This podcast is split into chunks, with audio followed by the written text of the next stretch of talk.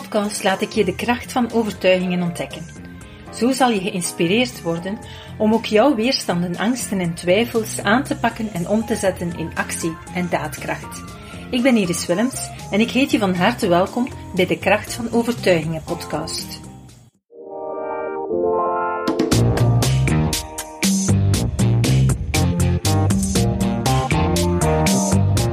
Vandaag gaan we het hebben over de gedachte: ik moet altijd alles oplossen. Misschien heb je zelf ook wel last van de gedachten als um, als ik niets doe, dan gebeurt er niets. Of ik ben altijd degene die altijd alles moet oplossen. Als je dit bij jezelf herkent, dan raad ik je toch aan om daar even bij stil te staan. Want die gedachten die hebben wel mogelijk een, een grote impact op jou en vooral ook op je omgeving. Ik denk daarbij terug aan een moment, um, het is ondertussen al heel lang geleden, het is in uh, 2000, dus al 20 jaar geleden, heeft zich ondertussen meermaals herhaald, maar de eerste keer was een, um, een bedrijf waar een, uh, een uh, teamleider ons contacteerde om een teambuilding te doen met twee um, teams, twee subteams. En de, de teamleider die had als vraag naar ons van kijk, ik wil een teambuilding doen met mijn teams. En de teamleiders van elk van die twee teams die onder hem stonden, die nemen niet voldoende initiatief. Als ik zelf geen initiatief neem, dan komt er eigenlijk niets. Dus ik moet eigenlijk aan die twee teamleiders elke keer gaan zeggen wat ze moeten doen, komen met creatieve ideeën enzovoort. Maar van hun uit komt er weinig initiatief. Dat was de boodschap.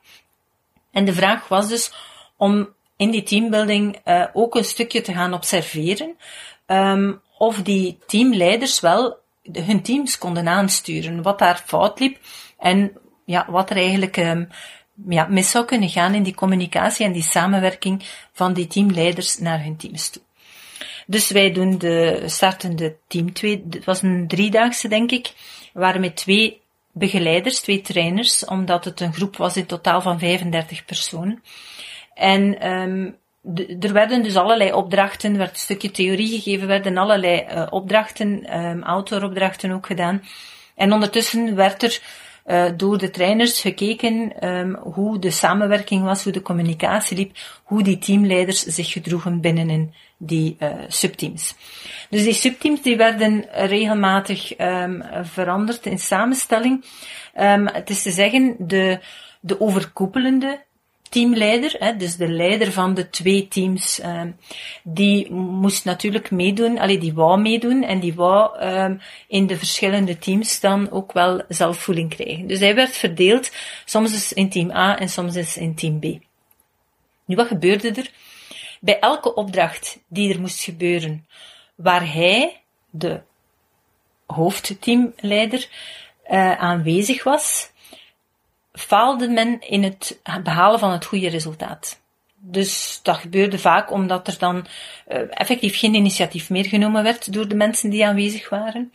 Um, doordat er uh, heel lang gediscussieerd werd, maar meestal uiteindelijk werd, zagen wij dat er altijd uitgevoerd werd wat die ene uh, teamleider um, zijn suggestie was.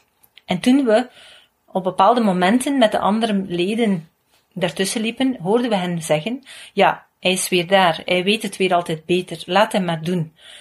Het is toch altijd het beste wat dat hij verzint.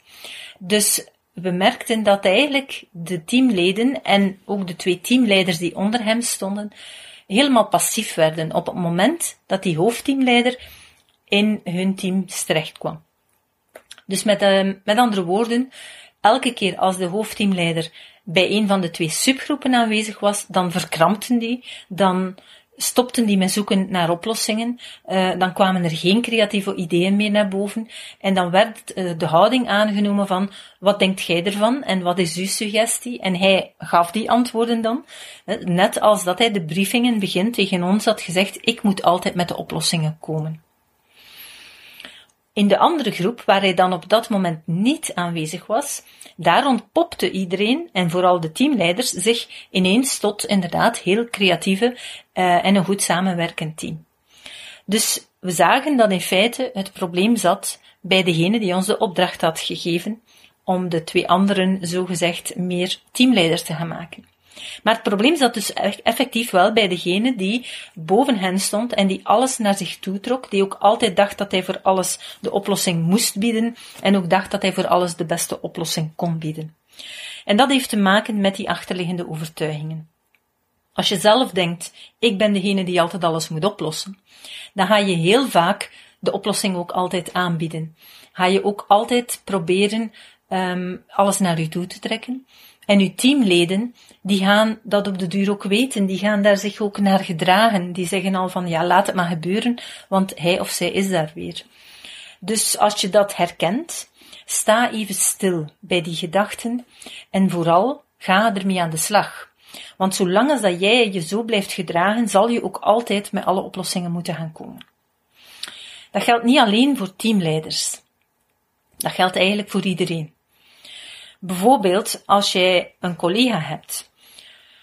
En het kan zijn dat je er leidinggevende van bent, maar het hoeft niet. Het kan evengoed een gewone collega zijn die op hetzelfde niveau van u staat. En die komt altijd bij jou om een oplossing te vinden. En jij lost ook altijd alles voor die persoon op. Dan ben je eigenlijk ook dezelfde zaken gaan bewerkstelligen, gaan in, in stand gaan houden. Namelijk de ander denkt dat jij het beter weet en die gaat eigenlijk elke keer bij jou komen op het moment dat er maar een twijfel is, een onzekerheid is, dan komen ze bij jou. We noemen dat ook de aangeleerde hulploosheid. Dat komt heel vaak uit onze kindertijd, waar ouders ook weer met heel goede bedoelingen voor hun kinderen alle problemen oplossen. Um, heel simpel al, bijvoorbeeld um, een jas aandoen. En de ouders zijn gejaagd en moeten snel ergens naartoe. Die jas, dat gaat nog niet vlug. De ouders zeggen, kom, kom naar hier, wat jij kunt dat nog niet zo goed, zal ik dat voor u doen. En daar ontstaan de eerste beginselen van de aangeleerde hulploosheid. Ouders die alles voor de kinderen oplossen en de kinderen niet laten zoeken naar de oplossing of niet laten oefenen tot wanneer het opgelost is. En wanneer je zo opgevoed bent, dan zit dat ook in jouw brein, in jouw systeem, in jouw automatisme. Je bent zo geconditioneerd van ik kan het niet alleen. Ik heb altijd hulp nodig. Ik heb iemand nodig die het voor mij oplost, want een ander kan het beter, kan het sneller enzovoort. Dus, maar over, over die ingesteldheid voor degene die het die de aangeleerde hulploosheid ondergaan heeft, daar ga ik een aparte podcast van maken. Maar vandaag hebben we het vooral over degene die de aangeleerde hulploosheid in stand houden of creëren. En dat doe je dus door effectief voor anderen altijd alles op te lossen. Ze alles uit de hand te nemen, voor alles een oplossing te bedenken enzovoort. Wat kan je dus beter doen wanneer een collega bij jou komt met een vraag, met een bepaald probleem waar die mee zit, dan jouw eerste reactie is, zie je wel, die heeft mij nodig. Ik heb dat nu toch zelf niet in de hand gewerkt. Maar dat is omdat die andere persoon natuurlijk in de aangeleerde hulploosheid zit vanuit zijn opvoeding. En jullie versterken elkaar. Dus die persoon komt bij u. Jij bent iemand die geleerd heeft van ik moet het hier zelf altijd voor een ander gaan oplossen. Dus je krijgt het stemmetje, zie je wel, ze komen altijd bij mij. Iedereen komt altijd bij mij. Ik moet altijd alles oplossen. En van het moment dat je dat hoort bij jezelf, dat je dat stemmetje hebt, dan zit uw overtuiging weer actief. Hè.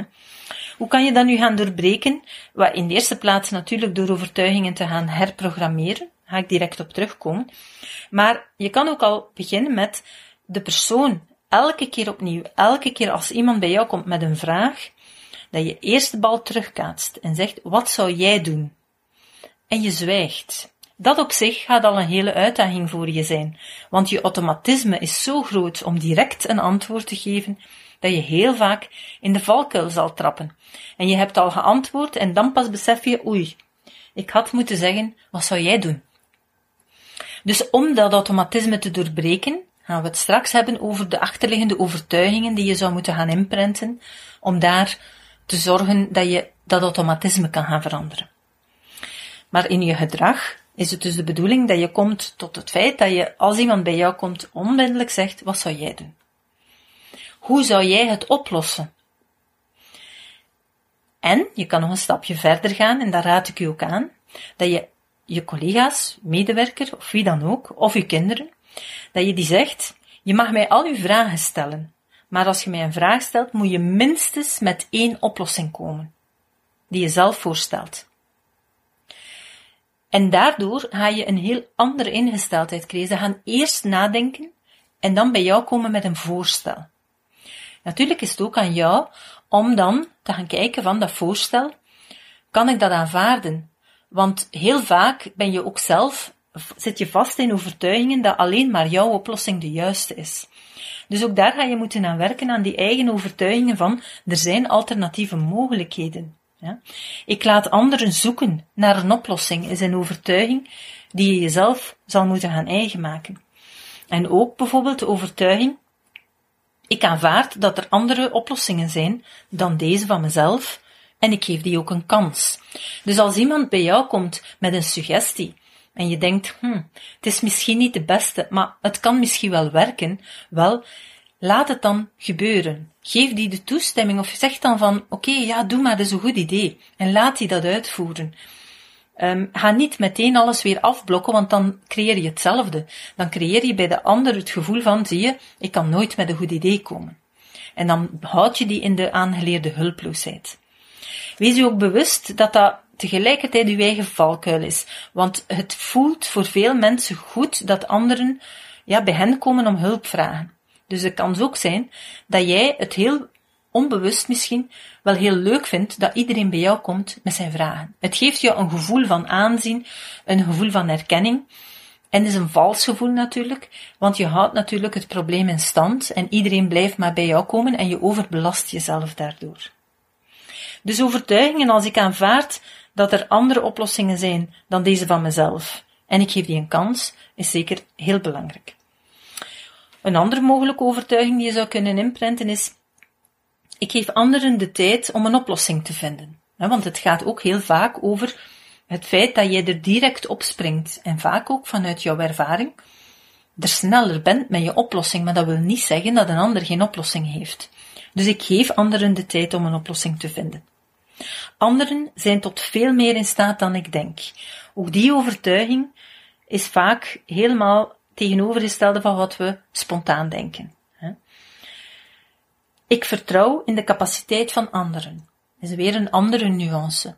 Maar het gaat er hem echt wel om om te durven en te leren vertrouwen dat anderen echt oplossingen vinden. Ik vertrouw in de aanpak van een ander.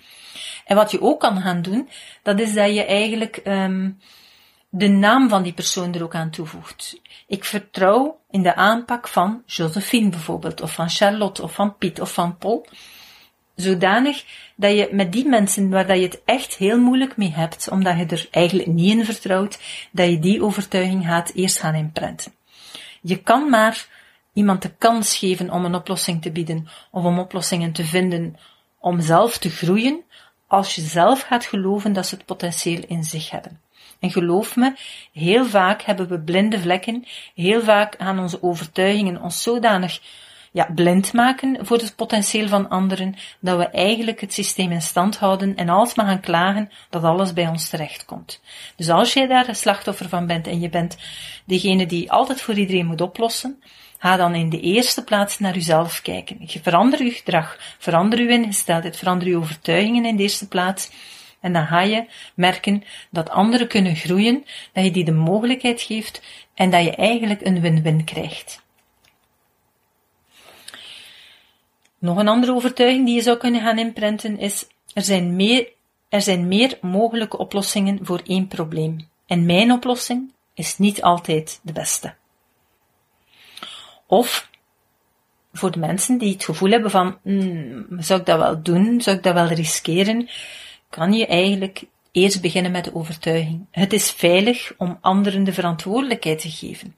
Want heel vaak zit daar achterliggend ook weer de angst van, ja maar, als het dan niet goed is, dan ga ik uiteindelijk het weer op mijn bord krijgen.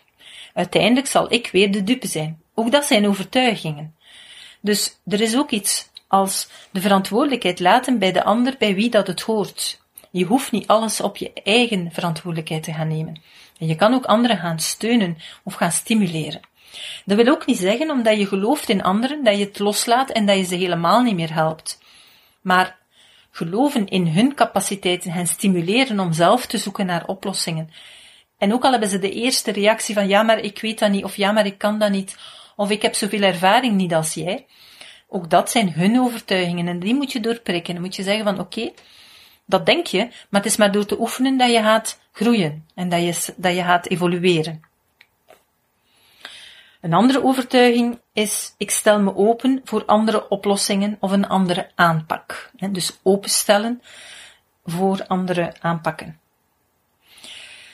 Als je die ingesteldheid verandert, als je die overtuiging kan veranderen, dan ga je merken dat je veel minder stress zal ervaren. Dat je ook veel gemakkelijker de mensen rondom je kunt laten groeien, laten meegroeien. Dat gaat jou ontlasten. Dat gaat jou het veel gemakkelijker maken. Gaat zorgen dat je zelf veel minder werk hebt. En dat geldt zowel voor leidinggevenden, maar dat geldt evengoed naar je eigen collega's toe. En dat geldt ook evengoed naar je eigen kinderen, naar je partner, naar je ouders, naar iedereen in je omgeving. Dus sta daarbij stil als iemand in jouw omgeving zich gedraagt als zijnde, ik heb altijd jouw hulp nodig. Dan heb je die, ofwel heb jij het aangeleerd, of iemand anders heeft het hen aangeleerd, maar je onderhoudt het, je houdt het in stand. Door het te blijven voeden, door te blijven altijd voor hen de oplossing te zoeken, door voor hen alle kolen uit het vuur te halen, ga je eigenlijk elke keer ervoor zorgen dat zij um, ja, geholpen zijn door jou. En voor jou heeft het een goed gevoel, voor hen heeft het een veilig gevoel en jullie blijven in die spiraal. Heb je nog kleine kinderen? Sta daar zeker bij stil. Want als je van kleins af elke keer alles uit handen neemt van je kinderen, dan ga je hen aangeleerde hulploosheid bijbrengen. En dan worden ze later, ja, daar het slachtoffer van en gaan ze eigenlijk weinig initiatief kunnen en durven nemen. Dus ik hoop met die voorbeelden om u te geïnspireerd te hebben om aan de slag te gaan. Sta even stil bij jezelf. Ben jij iemand die eerder in het idee zit, ik moet alles oplossen en als ik niets doe, dan gebeurt er niets? Of ben je eerder de persoon die in de aangeleerde hulploosheid zit en die elke keer gaat hulp vragen bij het minste dat er iets is waar je aan twijfelt of waar je niet 100% meteen een antwoord voor hebt? In beide gevallen is er werk aan de winkel. In een volgende podcast zal ik het hebben over de aangeleerde hulploosheid en welke overtuigingen je daarbij kan gaan inprenten. Uh, maar voor degenen die vooral zichzelf als de oplossers zien, is er ook werk aan de winkel, want het zal het voor jou en voor de anderen veel aangenamer en positiever maken. Wil je leren om overtuigingen te herprogrammeren? Dan nodig ik je graag uit om mijn e-book te downloaden. Het e-book rond overtuigingen en dan krijg je ook meteen een uitnodiging voor mijn volgende webinars rond overtuigingen. Daarin vertel ik je dan hoe je te werk dient te gaan en welke stappen je zou moeten zetten om overtuigingen te gaan herprogrammeren. Want het is pas als je echt iets gaat herprogrammeren in je brein dat het effectief zijn uitwerking zal hebben. Enkel weten heeft weinig zin. Dus wil je daarmee verder uh, aan de slag gaan of je verder in verdiepen, ga dan naar prana.be schuine streep overtuigingen. En dan hoop ik je binnenkort te mogen verwelkomen op een van mijn volgende webinars. Super tof dat je hebt geluisterd naar de Prana Mental Excellence podcast. Ik hoop dat je het waardevol vond en dat je er inzichten uit hebt kunnen halen voor jezelf en voor je eigen business. Vond je het een waardevolle podcast, dan zouden we het heel erg waarderen als je dit zou willen delen. Enerzijds door dit te delen via je eigen Instagram of LinkedIn. Maar wat we nog meer zouden waarderen als je tijd en moeite zou willen nemen om ons een review achter te laten. Werk je met een Apple-telefoon, dan kan je dat doen binnen je eigen podcast-app door daar een review te geven. Geef ons een x aantal sterren met daarbij een korte motivatie wat je van onze podcast vindt. En werk je met een Android-telefoon, dan zie je dat de meeste apps geen review-mogelijkheid hebben. Wat we dan heel erg zouden waarderen, is als je op Google Prana Mental Excellence zou willen intypen en vervolgens via de Google Review-sectie iets zou willen vertellen over Prana, wat je van ons vindt en wat je aan onze podcast hebt gehad. Alvast heel erg bedankt. Ik hoop dat je er volgende week weer bij bent bij onze volgende aflevering van de Kracht van Overtuigingen podcast.